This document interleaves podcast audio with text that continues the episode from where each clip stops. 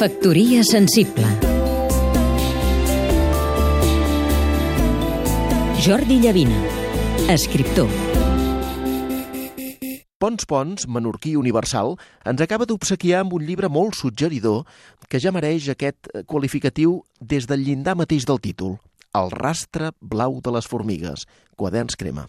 Aquestes formigues que un dia van sucar les potes en tinta blava, la preferida d'en Pons, i que tot seguit van deixar un rastre creatiu del seu pas, ens fan de cicerones per una obra composta d'aforismes, o, si ho voleu dir d'una altra manera, de versicles. N'hi ha molts, i n'hi ha molts de ben lúcids.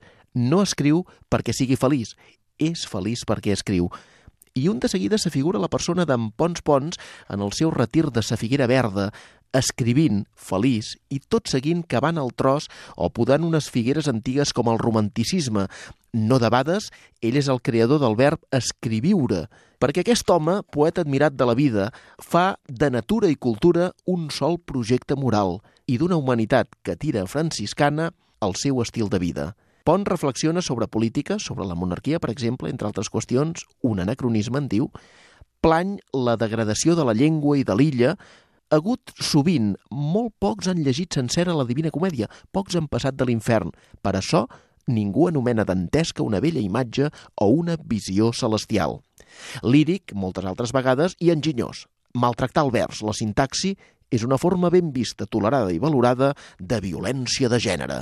Els dies escrits són més viscuts. I podríem apuntar que els dies llegits i amb companys com aquest del rastre blau de les formigues també ho són, i molt. Factoria sensible